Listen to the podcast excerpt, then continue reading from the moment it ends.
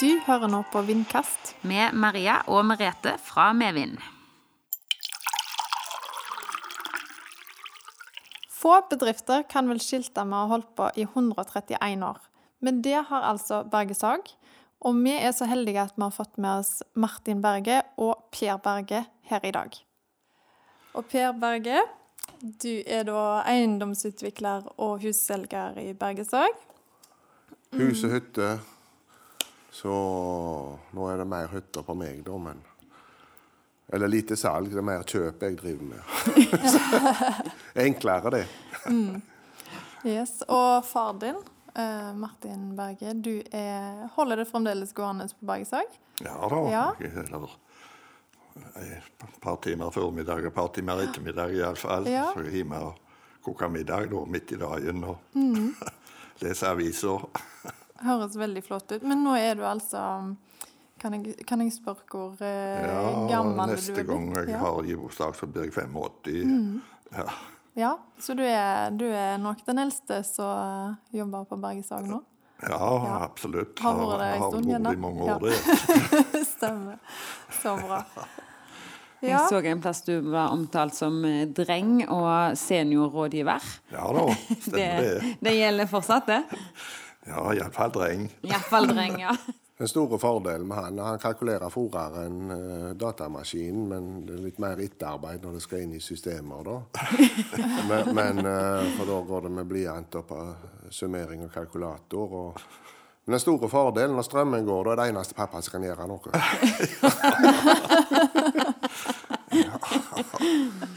Viktig å være på de konkur konkurransefortrinnene en har. Ja, så blir strømmen vekk ei uke, så ligger vi godt an.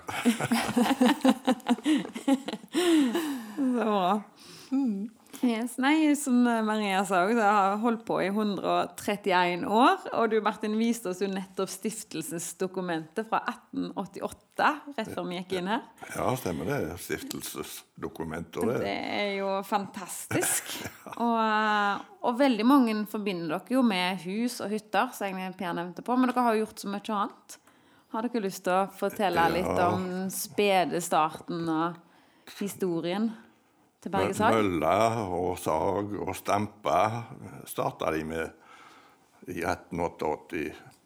Må jeg forklare hva stampa er? Ja for oss som ikke vet hva det er. Ja, det, de stampa Men de hadde vært veddemål, så stampa de med vann. Så banka de for å få de tette, kan du si. Ja, Veddemelet. Så Og sag og mølla, det Mølla det hadde vi til i 1948. Da løste staten oss ut. Kjøpte, kjøpte, det var en gammel rettighet som hadde det. Men da kjøpte staten den tilbake oss, kan du si. Altså. Så da ble mølla nedlagd. Ja. Men det stammer ifra ei elv, gjør det Ja ikke det? Hele Berselva. oppstart, oppstarten her. Ja da. Det var den de måtte ha til. Drev, Kraftkilde. ja, den drev både mølla og saga og Ja da. Men så fikk, vi strøm, da. Men første strømmen, det var vel rundt 1920-21. var det første i Ølen som hadde strøm, iallfall. Ja. Og da bygde de dammer oppå fjellet innenfor forbi opp- opp- Bondal, inn, inn på fjellet inn forbi Ormåsen, har det hett. Så da fikk vi strøm. Og da hadde vi et snekkerverksted, lagde vinduer og dører og begynte med, med da ja, jeg vet ikke, slutten på 20-tallet kanskje de begynte. Og så fikk vi større Vi kjøpte et sagbruk eller et oppe i Trøndelag og så med, med turbin og, og rørgata, så vi la nye rørgater. Et hele, så vi fikk kanskje litt mer fadel på vannet var større turbiner. Da kunne vi produsere når det var plenty vann, oppi 90 kilowatt. Og det var under krigen de bygde ut det. Og så har vi jo bygd båter i, Ja. i 30 år, fra 32 til slutten på 50-tallet. Da, da ble det vel slutt på trebåtene. Da begynte vi å kjøpe gjerne stålbåter og bygde de om til lastebåter, gamle rutebåter. Og en tråler som vi kjøpte den i Frankrike og var nede og henta og gikk hjem med slutten på januar, husker jeg. Å ja. ja. Det var sikkert en eh, båttur. Ja, det var, det var interessant. i det var i La Rochelle. Vi lå der ei uke og hadde han på slipp. og så der var, hadde Maskinisten som hadde vært om bord tidligere, han hadde vi med hele veien tilbake til Norge. Da. Ja. Ja, da. Og så hadde vi jo den som Medåsen synger om, gamle Dampen. ja da, Hoster. Den var jo, Dere kjøpte den i 61-62. Ja, det var vel gjerne det. Den, og så Haug, søsterskipet, som ble eh, i filmen eh, Orions belte, Sandy Hook. Den var bygd, eh, ombygd i Kjås. Ja, San, Sandy Hook het han vel. Eh, Ja, ja. Sandy Hook, det. Altså, da, her kommer dampen, gamle dampen, dampen. Ja, Ja. vi tar på deg triskoene spring. Den eh, hadde vel med fram til 869, vel? Ja, da het han Vaka. Ja, ja. Og så ble han til dampen. Ja, etterpå, Etterpå? igjen. Ja da. Ja, ja, det ble ikke for langt ut på 90-tallet, når de restaurerte den. Oster. Jeg hadde bokstavene, originale bokstavene hjemme i kjelleren i skuffa som de fikk. Så de skrudde opp på styrehuset. Og skorsteinen den hadde vi jo i alle år jeg var unge til å røyke fisk i. Ja, stemmer det. Så burde dere hatt et eget museum. Eh, med, Ja, nå er jo pappa siste som har noenlunde kontroll på alle detaljene. Jeg har nå mestedel, da, for jeg er like interessert i historie. Men ja, vi, nå kommer denne båtboka ut, og, og vi har et hefte da, så vi har nå noenlunde Vi har jo snakket om å lage et museum med gjenstander og litt sånne ting, da, men det har han ikke tutla seg til ennå. Det kan jo bli et prosjekt for Martin når han pensjonerer seg, det, da. Ja da. Opp mot uh, neste jubileum, kanskje. Ja, ja. Hva har du klart det da? Vi får ta til 140-årsjubileet da. Så bra. Men uh, båter, produserte dere det samtidig som dere produserte vinduer og dører òg? Ja, Ja. det gjorde vi. Og alt dette skjedde i Ølensvåg, der som Ja, dere har hovedkontoret i dag? Ja da. Vi, sluttet vel, vi kjøpte vel Haugaberget, der som er nå i, på slutten på 60-tallet. Flytta inn i 68. Ja. Ja. Så ble det for lite, og så kjøpte vi på Nerem 30 mål. så det er, det er der de produserer takstoler og, og skjærer til huser og alt. Prekøtten, der gjør de på Nerem. Flytta vel alt vekk fra gamlemølla i 79, vel? Ja, ifra på andre bergsida over Ja, ifra fra gamlemølla. Ja, Så det er jo liksom det, det, vi, vi kaller det for Nyamølla, det så Å ja, det var det jo, ja. Uh, Nyamølla med, da, det ble i 68, så det er jo bare 50 år siden. Bare 50 år. Når var det kun eh, fokus på hus? Det kom først hus, og så etter hvert kom hyttene?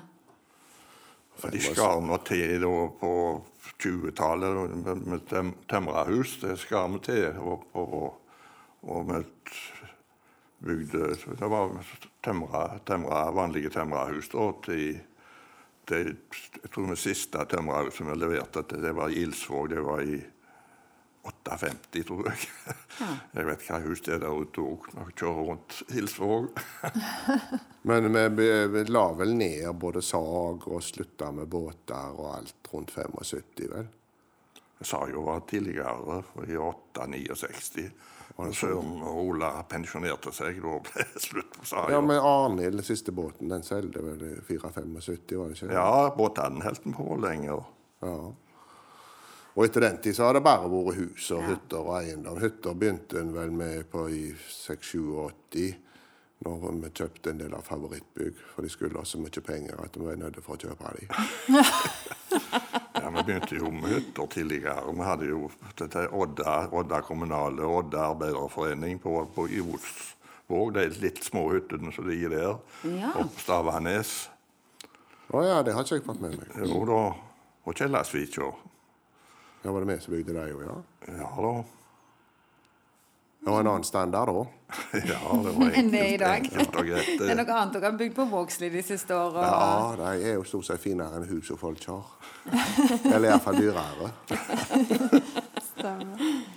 Men uh, du Martin, du har jo uh, Jeg har forstått at du har bygd for uh, ofte for generasjoner. At du har gjerne solgt hus til en familie. ja. ja. og så kommer Ja, neste ledd og skal Ja, ha hus av deg, og så neste ledd der igjen. Og det var ei dame som kom inn på butikken her for noen måneder siden. Og så var jeg var der inne på butikken òg, og så spurte hun Kjenner du meg? Er det Martin? sa hun. Ja, ja. Kjenner du meg igjen? sa hun. Nei, jeg ærlig innrømme at det er jeg kjøpte hus av deg i 1973, sa hun. Nå han vi gjerne forandra oss litt, både Ja. hun og meg. Ja, det skal godt gjøres å holde kontroll på alle, alle en har solgt hus til. Ja da. Jo da, vi har solgt i flere generasjoner. Men det En har hatt eh, fordeler av det òg. Det er jo klart det forholdet er jo ikke sånt nå. Nå er det jo et annet marked, da. Men jeg hadde en ute i Sveio som nå holder på med, og han skulle absolutt selge til oss, for uh, han husker fra 50-tallet, eller 60-tallet. Da hadde faren skulle kjøpe seg hus, og da hadde de kjørt inn til bestefar min uh, og skulle handle fra Sveio på motorsykkel, og han satt bakpå. Så det var han så fornøyd med at da selger til oss nå 50 år etterpå. Du vet du har en god merkevare når et sånt omdømme får leve i 50 år. Ja, men det er jo klart det er jo helt andre konkurransevilkår på alt i dag, da. Men han har vel solgt både til far og sønn og Badnabodden. Ja da. Så Frank Abelseth sier før i tida, så her innenfor så skulle Nå skal det jo tilbud og tegning i opp og ned og i mente, men da skulle de ut på Bergesag og høre hva et hus kosta, ikke få tilbud. De skulle bare vite hva det kosta, så fikk de bestemme seg, og de skulle bygge et. Ja, Prosessene har vel forandra seg litt. Ikke så rent lite. Men eh, det betyr jo ikke at dere ikke har fulgt med, for dere har jo hatt en helt fantastisk vekst. Hva er de oppdaterte tallene på ansatte og omsetning og Nei, nå tror jeg i år så Hva var det Rolf sa? 600, 600 millioner. Ja vel det, og så 700-800 neste år. Det har jo litt med noe oppkjøp å gjøre. da. Så at, nå tror jeg vi var rett over 200 ansatte nå her sist, vel, jeg hørte. Ja, jeg tror det er rundt om det. Så, så det går nå rette veien. Har gjort. Nå er det nå litt eh, tøffe tider i byggebransjen her nå, da, så vi får nå se. Men dere har vært gjennom opp- og nedturer, skulle jeg si, før. Og dere har jo snudd dere rundt etter hvert og endra retning. og Dere produserte jo vinduer og dører til ei stund, og så slutta dere med det. og Ja. Så gikk dere inn i hyttemarkedet, og eh, dere har jo virkelig eh, ja, hengt At vi med i kunne kjøpe et svingene. glass 200 kroner billigere enn det koster å lage et, og slutta med det. Ja. Pluss ja, sant. Til slutt så må en, eh, en endre retning. Ja, en er nødt for det, og, og det er ikke alltid like greit å, å snu seg. og Det har med følelser og tradisjon. og når jeg begynte nå i begynnelsen på 80, og så la vi vel ned vindusproduksjonen og dør og vindus på midten 80-tallet, tror jeg. Ja. Og så det var det Det innså når pappa at vi måtte gjøre. Men når jeg la ned kjøkkenavdelingen ut på 90-tallet, da gikk han hjem. Vi var spikje galne, sa han. Ja, men det er jo klart. Det har jo, det har jo litt med identiteten å gjøre. At Jo, en har bygd seg opp rundt det, og så respekt for det, men så Ja. er det farlig å henge seg opp i at det har vi alltid drevet med. Mm. Det er alltid noen som blir bedre, og da må du enten bli bedre enn dem, eller så må du finne på noe nytt. utvikle eller avvikle? Ja. Ja. Det er stort sett eneste valget. Og, og så er det klart, nå er det jo tøffere krav til økonomi og banker. Før så var det nå det at du skulle ha noe å leve av og ha noe å gå til og fø familien med. og Da var det nå så om det ikke gikk så godt et år. Det har jo ikke gått like godt alltid. Så Måtte bare prøve litt på noe annet neste år. da. Du hadde noe mat på bordet. så... Det var liksom ikke børsprinsipper og avkastning av egenkapital som styrte akkurat bedriften. I alle fall ikke fram til langt ut på 80-tallet. Jeg husker vi skulle begynne med budsjett. Jeg hadde nå gått litt på skole og skulle nå begynne med budsjett. Nei, det så ikke pappa noe vits i. Han prøvde å gjøre det bedre enn han hadde gjort i fjor hvert år. Og det, og det tok dere faktisk langt ut på 80-tallet, det, da? Med Jeg tror ikke vi hadde budsjett før i slutten av 90-tallet til slutt. Nei, det tror jeg ikke. Men han kom tilbake da dagen etter dere hadde lagt ned kjøkkenavdelingen, Ja. så det var ikke så galt at du ikke så Nei, ham på en stund. nei, han kom tilbake og sikkert samme dagen, da, men da måtte han ha seg en pause. For nå tok det helt av. Ja, Vi har aldri hatt røde tall på bunnlinja. Aldri på de 131. Ah, Det er ikke etter jeg begynte, iallfall. Nei, men det er jo klart, hvis vi tar Det er jo klart Du snakker om opp- og nedturer. Det er fall, det har iallfall etter jeg begynte i første arbeidsdag i 73 så har det alle, du begynte vel på 50-tallet, så har det nok ikke vært røde tall. Men i 90-92 så vi hadde jo ikke akkurat helt Ja, så var det, det, det brant jo ned. Det var rett århundreskiftet, 1902 eller hva det var. Det brente ned alt sammen, så de hadde bygd opp der ute. Og det var vel ikke hassoert heller skikkelig. Så var det tøffe tider, men de fikk det til å igjen, bygge opp igjen og starte på nytt. Men så var det jo ikke samme prinsippet med varetelling og balanser og sånt i regnskapet. Da, for i 92 og 90, da, de som ikke har vært med på det, vet ikke hva nedgangstider er, for da var det ikke bare lite. Det var ingenting. Og jeg og pappa satt natt og dag og var helt glad vi hadde fått solgt en garasje. Og da gikk vi vel noenlunde rundt null. Eh, men det er jo klart varetellinga det var jo Magna kjørte gjennom lager med pickupen omtrent som i fjor, sa han. Og, og, eh, så det kan hende det hadde vært bitte litt rødt da, men det har noe ellers så har det ikke vært Men det vet vi jo ikke, da, for vi talte jo aldri vi justerte varelager etter overskuddet. Det var ikke så nøye, da. Nei, da var det svinte med verdilenge. Magna kjørte gjennom lageret med pickupen og rundt og så litt, og telte ikke i fjøl, og pappa ned og så hva som lå ufakturert, og så tenkte vi tar det sånt. Og Endre Heggen som var likningssjef òg, da. Husker vi skulle, Avskrivninger skal jo gjøres over fem år eller noe sånt, og da hadde vi nå tjent noen gode penger på 80-tallet. Ja, ja, skriv det av på ett år, vi er ferdige med det. Og ingen som brydde seg om det. Altså Fleksibilitet og tilpasningsdyktighet i regnskapet, det kan man, hvis du skal bruke litt sånn diplomatiske ord på det. Jo, det var jo ikke unndragelse. Det kom jo, Nei, nei. Til, det kom jo til beskatning når det passet, da. Men da styrte vi litt sjøl. Ja, nettopp. ja, men så. Men dere har altså jobba i lag ganske lenge, da? Far og, og ja, du og brødrene dine òg? Har uh... Ja, jeg har jo jobba med pappa siden 73, da.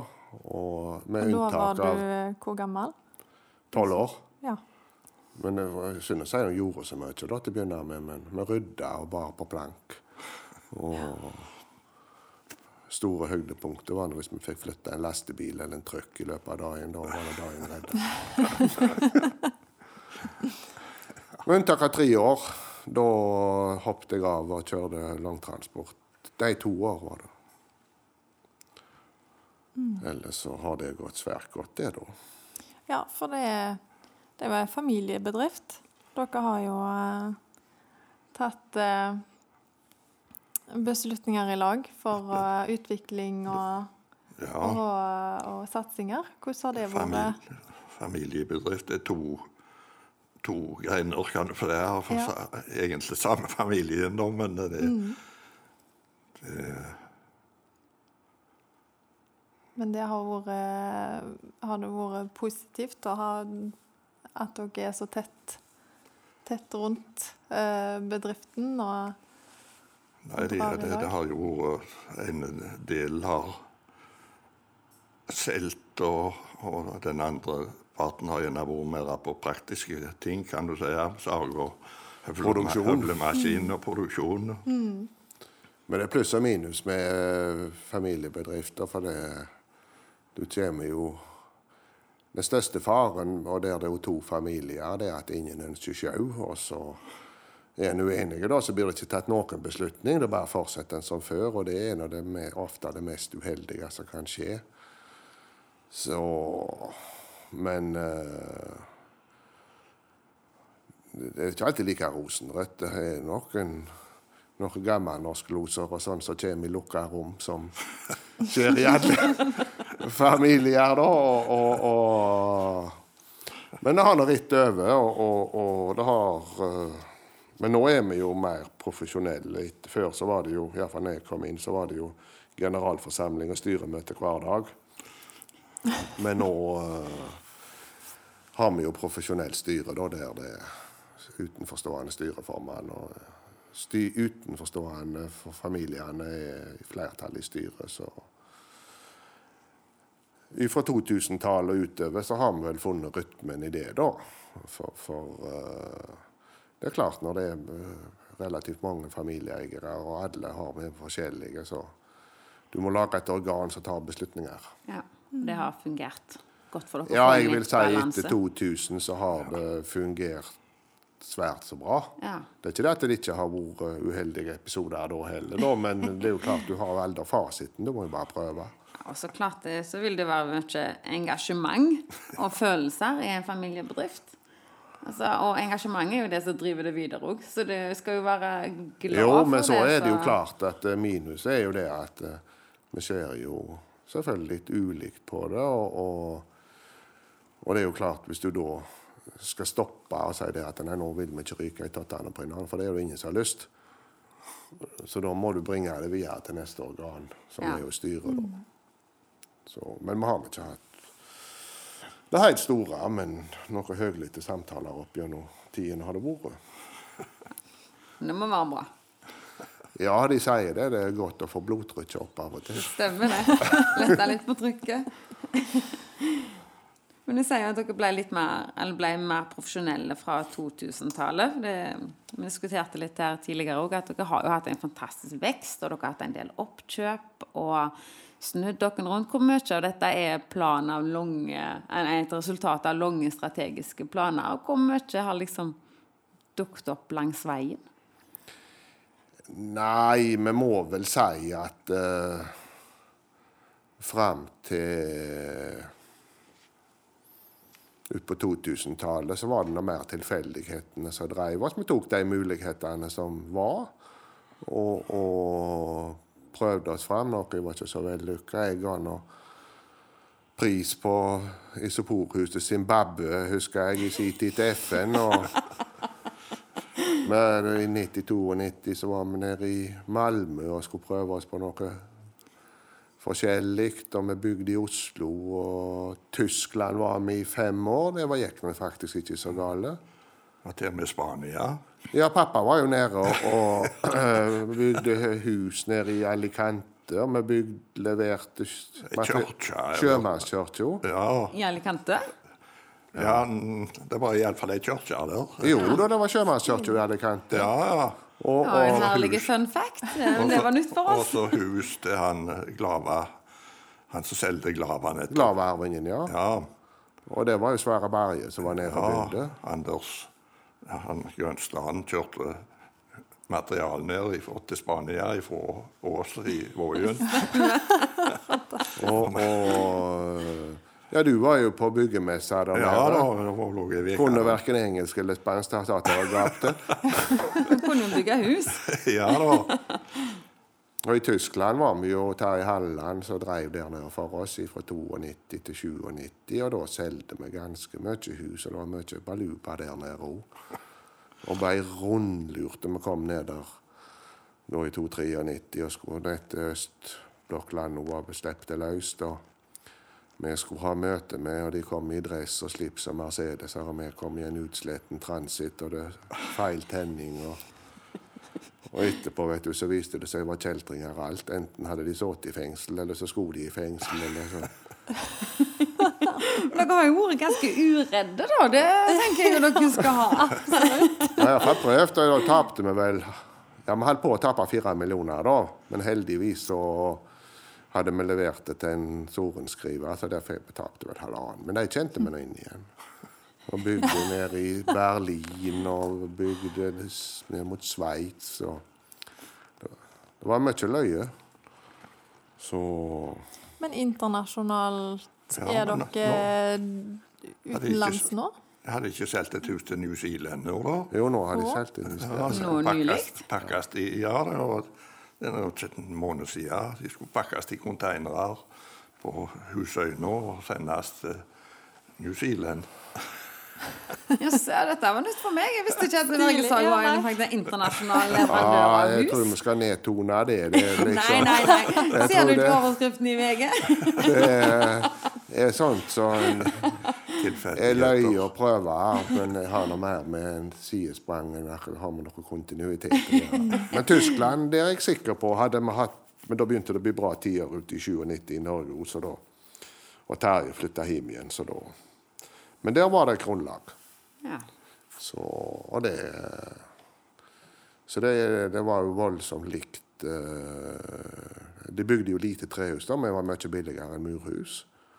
Og, og, så det tror jeg Hadde vi fortsatt på det, så kunne vi hatt en fot og stått på der, da. Så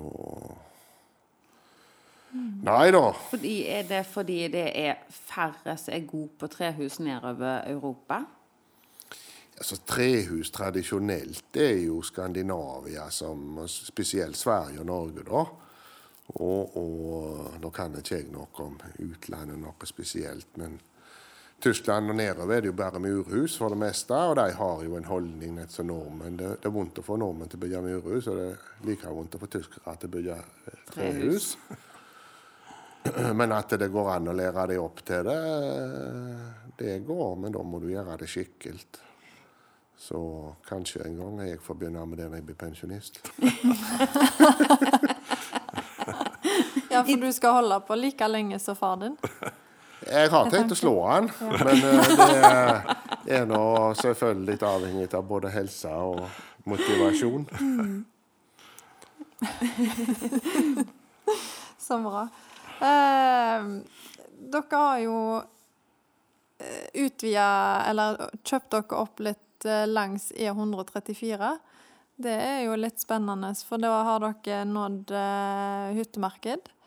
Og dere har eh, kjøpt opp eh, byggevarehandel på Edland og Åmot. Eh, og nå har dere kommet dere helt over fjellet til Porsgrunn og Skien og, Ja, det og er Grenland. Ja, det er tre, det. tre nede i Grenland, og så er det på Åmot og Edland og Sauda og Karmøyna.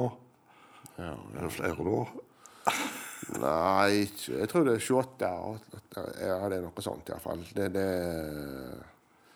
Nei, altså det som- jeg sa, at eh, stillstand er tilbakegang. Og, og så vi satser jo mer nå på å få til noe mer på Østlandet enn vi gjør på Vestlandet. Da, for her tror jeg Som vi klarer å se i krystallkula, så er det tatt luen av det. Og det skal nok bli en krig de neste åra. Folketallet var det én det hadde økt med Haugesund det siste året. Ja, så var det 1000 hus til salgs. Ja, ja, så Ja. Da sier det seg sjøl at det her Ja da, så vi det er kommer nok til å prioritere de midler vi har mulighet til å bruke mer raust over enn uh, Mm. å prøve å opprettholde volumet. Eller mer fa- volumet klarer vi gjerne ikke, da, men markedsandelen vi har på Vestlandet, så Eller her i regionen, og så finnes det jo mye mer på Vestlandet. Det var Bergen, Stavanger, Ryfylke. Ja, for Stavanger og sør for Buknafjorden, der har dere ikke gjort- vært noe særlig. Nei, og så er vi litt botne med seg med i en sånn en kjede, da. Det er jo klart at du skal jo Det er jo Excel og Blink og, og dette, da. Men uh, på hytter så tar man også fritt. Så det er nå liksom hytter med ja. Gå. Leverer, jo en hel del til Stavangerhytten. Ja, men det er jo som Excel. Ja, Excel er Leverer mye i Sirdal nå. da. Men apropos hytter, er det lov å, er det lov å nevne på Røldal så du ikke ville bygge hytte i Ikke ville bygge i sin tid? Ja, altså det er jo klart Kan vi dra den? Den kan du dra, for det er jo klart at når, uh, Vi fikk første tilbud om å utvikle Horradalen, men Hva tidspunkt var det på? Hva årstall? Nei, det må vel ha vært i 2005-2006, tenker jeg. Da når vi var med på planlegginga. Men det er klart, jeg hadde nå kjørt en del lastebil og stonga i den motbakken så mye at eh, detter du på ræva der, så våkner du ikke før i Røldalsvatnet. Og hvem som vil ha hytta der. Ja, klok av erfaring, rett og slett. Ja, altså Det hadde jeg ikke tro på. Men der tok jeg nok litt feil, ja. Så Men det er klart at uh, nok, Du kan ikke si ja til alt, og du kan ikke si nei til alt. Så av og til så er det bra det du sier ja til, av og til så er det dårlig det du sier nei til. Så, så det var ikke noe suksess. Men det er klart de hadde en trang start. De tapte penger de første 30-40 tomtene.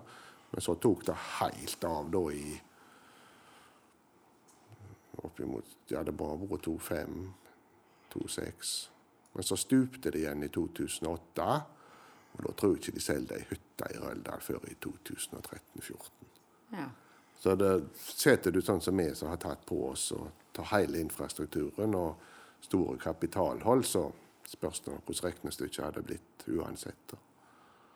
Men det er jo et, eh, et poeng, skulle jeg si. For dere er jo ofte involvert i prosjekt som går over ganske lang tid. Når, når du er med å utvikle eiendom, så sitter du jo gjerne kanskje med det i 10-15 år før det er ferdig og alt er solgt. Ja, på de destinasjonene vi har vært, som er nå liksom ikke av de hotteste, da. Den har vært slitsom. Men det kan jo ikke akkurat sammenlignes verken med Hovden, Rauland eller Hafjell, da. Men eh, du må sitte over lang tid, og så må du ta sjanser, og Ja. Det har stort sett gått bra. Hvor mange hytter er det vi har solgt på Vågslid nå siden 80, eller var det ikke da vi kjøpte der oppe? Jo, jeg tror det. Over 400 hytter. Ja, vi har bygd over 400 hytter der oppe. Bare på Vågslid? Ja. Ja. Så Men nå prøver vi oss videre. Nå prøver vi oss på Hovden, Rauland, Gautefall Nei, jo, Gautefall og Gaustablikk. Kvitefjell, Kvitfjell var ikke noe. Ja, og jobber med noe på Kvitfjell, men hvor mye det blir av det, får vi nå se. Men, eh, men får du noen gang eh, kalde føtter? Bokstavelig talt òg, kanskje? Ja, og derfor jeg går bærføtte.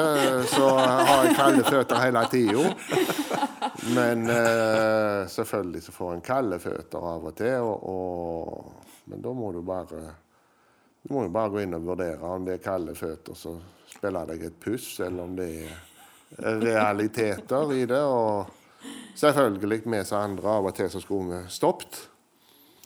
Og, men stort sett så har vi tjent på at det bare går en runde med seg sjøl og gi gass. Eller gi gass, da, men og vi at i 2002-2001 ikke tale om vi hadde så mye hytteområder. Nei, nå var jeg så drita lei. Nå seler vi alt, sa jeg. Eller iallfall mye av det. Bli kvitt det, så kan gjøre noe mer konstruktivt enn å sitte her og stange hodet i veggen. Jeg fikk da vente et år til, da. Og da auste det ut. Da, Fra 2003 til 2007 da satt vi nett som doktoren, vær så god, neste på hytter. Hadde ikke kjangs å levere mer. Så det gikk det bra. Men så stoppet det i 2008 igjen. da. Nå er det bare, har det vært bra noen år igjen. Ja, Det er jo ikke tvil om at eh, dere har hatt en fantastisk utvikling. Og det er jo en suksesshistorie. Tallene snakker for seg sjøl, som dere har tatt noen sjanser langs veien. Så Ja, du er bare har dere utrolig mye å vise til. Det er noe flaks, og noe får vi satse på er litt dyktighet. Og, og, og så har vi jo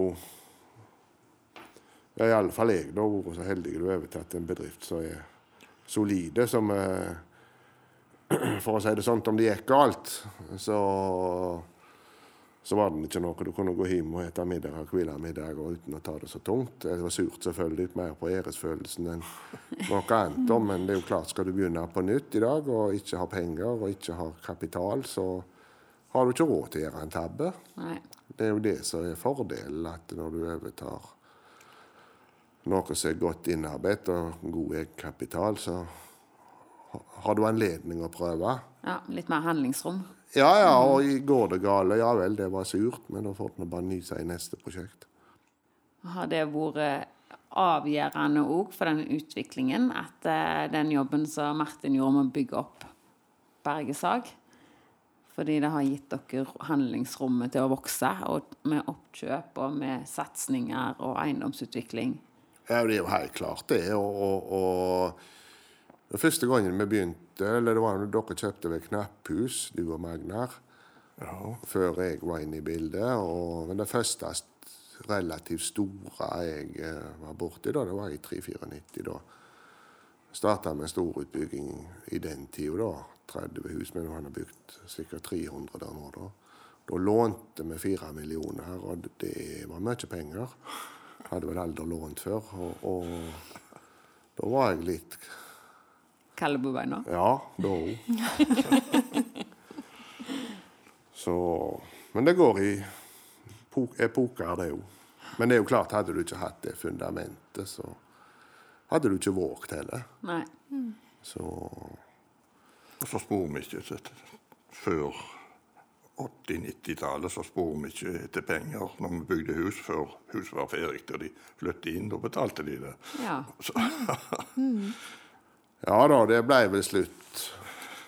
Ja, ja, det måtte jo bli slutt, det, da, for med vaks, og, og da trenger du jo kapital. Men jeg husker en kamerat av meg, han kom ned og hadde bodd i huset i tre måneder. og han har fått regning på et sandpapir på åtte kroner, men han har ikke fått regning på huset.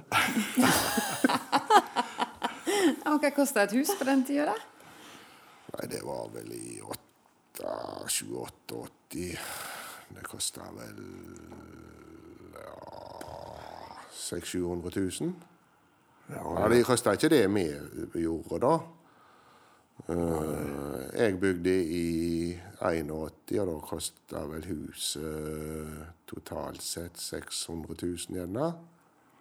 ja, det utvikla seg da. i- Med leilighet i. Og når du bygde i 61, da kosta det 75 000. Ja, med tomt og hele greia. Men det er akkurat det samme som å Jeg tok og regna på det uten å ta hensyn til skatt og rentefordrag og alt. Så hadde pappa da 600 timen i, 60, ja. i 60. ja. Og det var i forfjor jeg regna på det. Da, I dag da jeg, var gjennomsnittsinntekten, for da var jeg bare mannen som jobba, det var 12 000 i året. Og gjennomsnittsinntekta for en familie i dag er ca. 1 million i Norge. Og da, hvis du tar akkurat alt likt, så kan det, en familie i dag kjøpe seg et hus til 5,3 millioner. Altså han ga 75 for. Ja. Så det har alltid vært dyrt og mye penger å bygge. Renta var jo så høy òg, da. På begynnelsen på 90, slutten på 80. Jeg husker han, han Åseland som var lensmann i Øl. Han bygde han opp på Golan, og han betalte 18% rente på bylånet, sa han. Ja, jeg betalte i 89 på med huset mitt betalte jeg 15,2. Og da låste jeg det, for da trodde jeg det kunne ikke stige. Og da gikk det 14 dager før det gikk ned. Apropos ta sjanser ja. Så det var en av de dårligere beslutningene. Men vi eh, sendte dere et spørsmål i forkant av at Ja. dere kom her. For vi er litt sånn nysgjerrige på dere som har eh, vært i Berge Sag helt siden første arbeidsdag. Eh, hvis dere ikke hadde gjort det som dere gjør i dag, hva ville dere gjort da? Nei, det er ikke godt å si. Jeg er alltid vært interessert i fiske, jeg. Og lofotfiske, lofotfiske, for eksempel. Ja. Og så når du var yngre, så likte jeg godt å kjøre lastebilnett, så han som sitter på andre sida her. så, Så det hadde blitt noe praktisk? ja, jeg tror det. Ja da.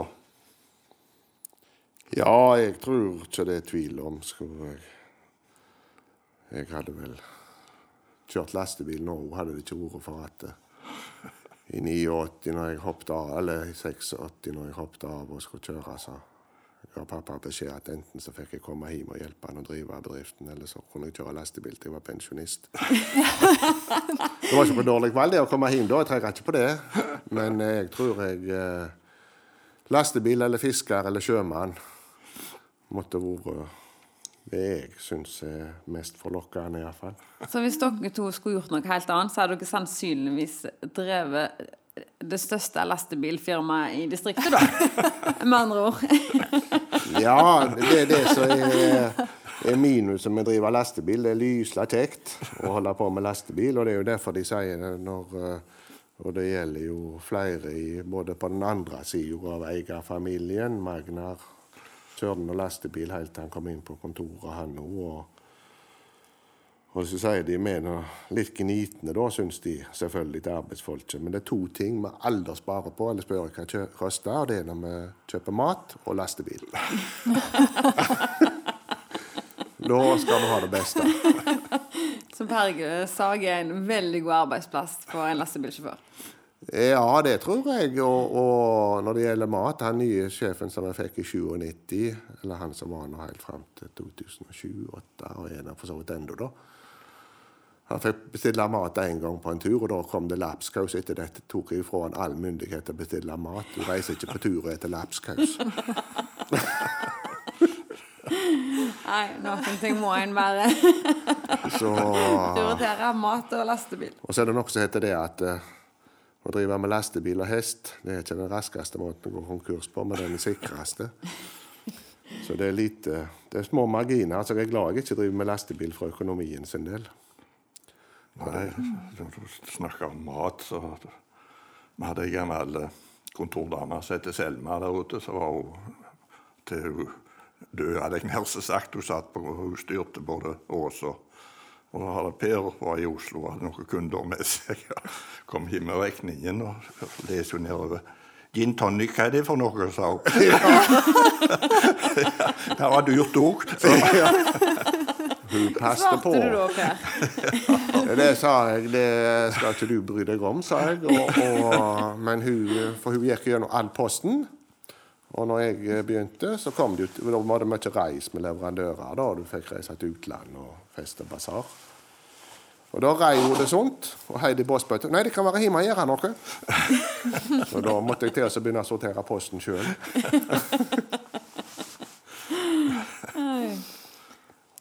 Ja, men da Tror jeg vi må gå inn for landing. Ja, rett og slett 131 år. Vi rekker ikke over alt, men nå har vi iallfall fått litt. Så tusen takk for at dere kunne komme i dag. Jo, sjøl takk.